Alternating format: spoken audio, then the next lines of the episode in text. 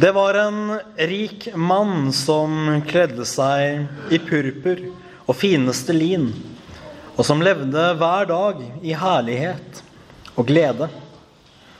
Men det var en fattig mann ved navn Lasarus som var lagt ved porten hans. Han var full av verkende sår. Hans ønske var å få mette seg med smulene som falt fra den rikes bord, men endog hundene kom og slikket sårene hans. Så skjedde det at den fattige døde, og englene bar ham bort til Abrahams fang. Men også den rike døde og ble begravet. Og da han slo sine øyne opp i dødsriket, der han var i pine, da ser han Abraham langt borte og Lasarus i hans fang. Da ropte han og sa, Far Abraham, forbarm deg over meg og send Lasarus, så han kan dyppe fingertuppen sin i vann og svale min tunge, for jeg lider svær pine i denne ilden. Men Abraham sa, Sønn, husk at du fikk dine goder i din levetid, like som Lasarus fikk det vonde. Men nå trøstes han her, mens du pines. Dessuten er det festet et stort svelg mellom oss og dere, for at de som måtte ønske å gå herfra og over til dere, ikke skal være i stand til det. Heller ikke kan noen komme derfra over til oss. Da sa han, så ber jeg deg, far, at du må sende ham til min fars hus. For jeg har fem brødre, for at han kan vitne for dem, så ikke også de skal komme til dette pinens sted. Men Abraham sier til ham, de har Moses og profetene. La dem høre dem. Men han sa nei, far Abraham. Men kommer det noen til dem fra de døde, da vil de omvende seg. Men han sa til ham, hører de ikke Moses og profetene, da vil de heller ikke la seg overbevise om noen står opp fra de døde. Slik lyder det hellige evangelium.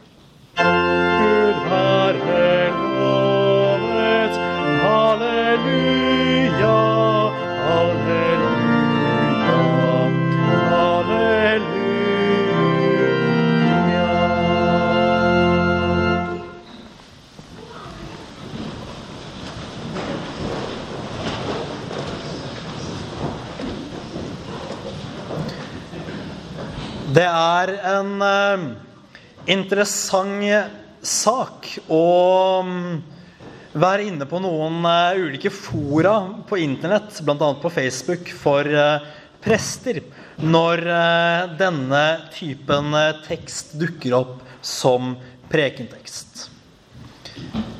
Det er som om noe røres ved, og at det skaper en uro i det vi gjerne kaller for rike nordmenn. Når vi leser tekster fra Bibelen, enten Det nye eller Det gamle testamentet, hvor det ikke akkurat er de rike som blir beskrevet i de vakreste ordelag, eller de rike som eh, forventes den beste skjebne, enten i dette liv eller i det neste. Det er som om landets prester, kanskje til og med meg selv inkludert, blir litt sånn Ok, hva skal jeg si om dette? Hvordan skal jeg forkynne for rike nordmenn den teksten vi leste om at den rike, nei, den fattige tilsynelatende egentlig kun for sin fattigdom kommer til paradis? Det er kanskje fint å forkynne for nettopp de fattige. Men andre enden av skalaen den kan være utfordrende for oss. Der den rike kommer til pinens sted. Tilsynelatende kun på grunnlag av sin rikdom. Og Hvordan skal vi skjønne dette? Hvordan skal vi forstå dette? Og kanskje viktigst hvordan skal vi trøstes ved dette? For jeg kjenner med meg selv at dette er i sannhet utfordrende ord. Kanskje er dere flere som har kjent på nettopp dette i møte med evangeliets ikke nødvendigvis krav om fattigdom, men noen ganger det også. Vil du være helhjertet, sier Jesus til en rik ung mann, gå selv alt du eier, og gi det til det fattige. Hvem av oss her i dag er helhjertet? Og hvordan kan den som ikke er helhjertet, bli frelst? Dette er utfordrende ord. Ja, dette er harde ord, sa disiplene til Jesus da Jesus sa at for en rik er det umulig å komme inn i himmelen. Dette er utfordrende ord. Og før vi finner trøst for disse ord, så er det lett at samvittigheten blir tynget. Og angsten tenker jeg at kan gjøre seg gjeldende. Tidvis har den gjort det også for meg. Når jeg sitter her, og til og med i min studentperiode, da jeg ikke ville kunne kalle meg rik De som har vært studenter, kjenner seg jo igjen i det. Men på verdensbasis så er jo nesten selv den fattigste nordmann rik. Så på en måte så gjelder disse harde ord De gjelder oss alle. Det gjelder oss alle. Men er det sånn at det er automatikk i at den, at den fattige frelses? Dere skulle blitt eh, overrasket over de eh, småting som prester og teologer eh, interesserer seg over å debattere, som sagt bl.a. på internett. Og dette er det nyeste, eller det er for så vidt en gammel debatt også, som alle teologiske debatter. Men blir den, blir den fattige frelst automatisk fordi han er fattig? Eller var han en from fattig som bar sin fattigdom med Guds frykt? Og gikk den rike fortapt bare fordi han var rik? Eller var han en hovmodig rik person som ikke brydde seg om Gud? Det er klart at Dette her kan være vanskelig å svare på med noe som vi kan slå i bordet med og se at sånn er det. Men det er viktig at vi også ser denne teksten, som alle tekster både i Det nye og Det gamle testamentet, i helhet med resten av Bibelen og evangeliet. Så nei, jeg tror ikke man automatisk blir frelst bare fordi man er fattig. Tror jeg ikke vi har dekning i Bibelen til å si. Men kanskje går man på en måte automatisk fortapt når man er rik. Og det er harde ord. Men hvordan kan det være sånn? Og vi kan stemme i disiplenes nesten redselsfulle skrik. Hvem kan da bli frelst? Hvem kan da bli frelst? Men Jesus repliserer tydelig. For mennesker er dette umulig. Men for Gud er alt mulig. Om vi skulle sagt hvem kan bli frelst? Kan en rik bli frelst? Kan en fattig egentlig bli frelst bare pga. sin fattigdom? Kan noe menneske egentlig bli frelst? Så er svaret nei. Og det gjelder om du lever nå, eller om du lever for 2000 år siden. Om du er fattig eller rik. Om du er aldri så from, så vil vi mennesker aldri kunne frelse oss selv. Og dette er det grunnlaget vi er nødt til å holde fast ved. At det var ikke fattigdommen som frelste den fattige. For da hadde det vært en gjerning. Det hadde vært noe han gjorde. Da hadde han vært from i sin fattigdom. Så må den fattige, må vi tro, ha stolt på Gud. Like som den rike ikke har gjort det. Kanskje enda verre. Han lukket sitt hjerte for sin fattige bror, som lå rett utenfor porten hans og hadde det vondt. Og han hadde absolutt midlene til å hjelpe. Og der ser vi at Paulus er ganske hard. Hvem har Guds herlighet hvis man lukker hjertet for sin fattige bror? Men ting i rekkefølge, kjære menighet. Det er ikke sånn at den som er aldri så god mot fattige, blir frelst. Nei, selvfølgelig ikke. Den som er aldri så god mot fattige, men ikke tror på Kristus, kan heller ikke bli frelst.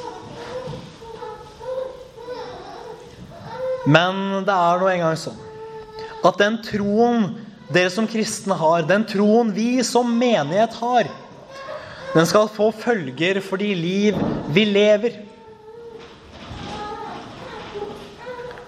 Og Luther selv, han trekker disse linjer. At de gode gjerninger, som han kaller dem, springer ut av troen. De gode gjerninger frelser ikke. De gode gjerninger fører ikke engang til troen, men de gode gjerninger springer ut av troen. Og sånn er det også med omsorgen for de fattige. Og jeg har bodd flere år i Oslo.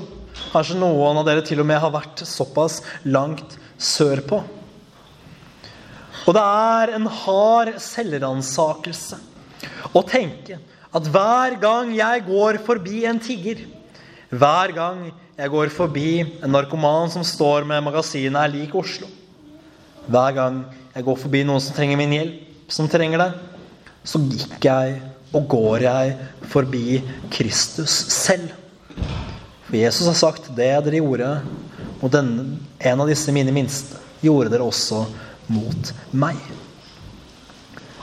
Så hver gang vi går forbi en fattig som spør om vår hjelp, hver gang vi da lukker vårt hjerte, så går vi forbi Kristus selv. Derfor må vi ransake oss selv. Mye er det som skal springe ut som frukt av troen. Mye er det.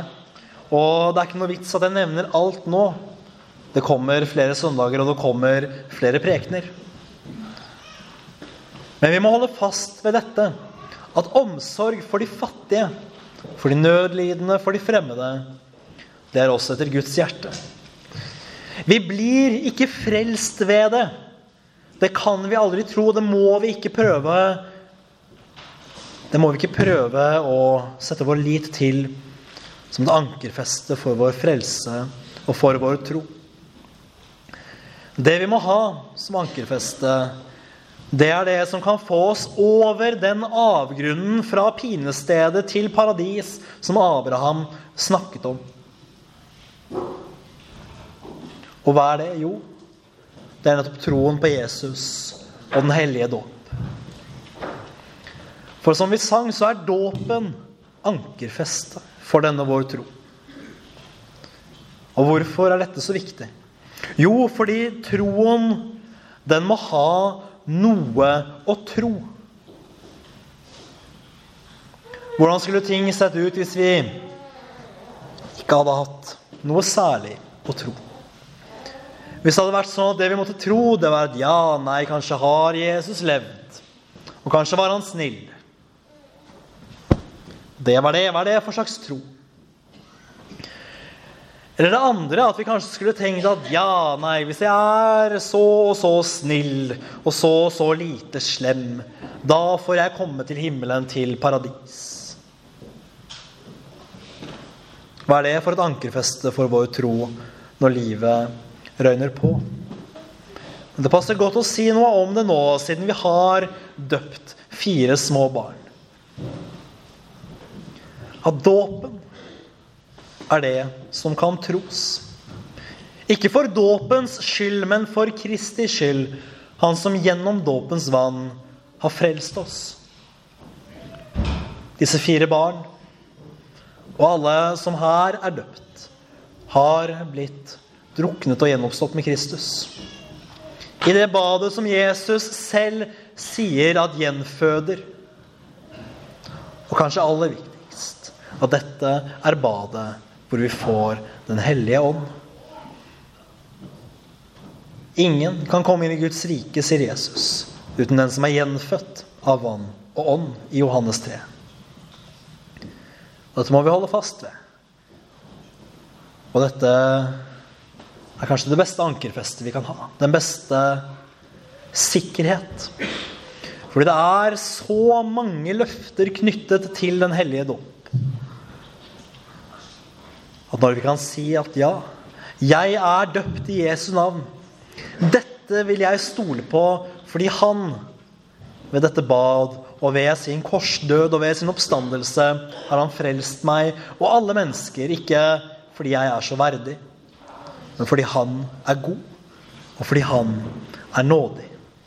Og at Gud er nådig, og at Gud vil frelse oss, også når det synes umulig, fordi vi tidvis lukker våre hjerter for våre fattige brødre, så vil Gud allikevel frelse oss.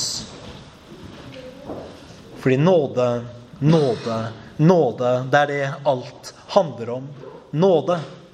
Vi kan aldri glemme nåden. Vi må alltid holde fast ved nåden. Fordi nåden alene er det som har makt til å føre oss over til paradis.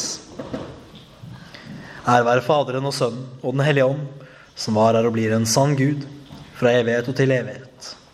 Amen.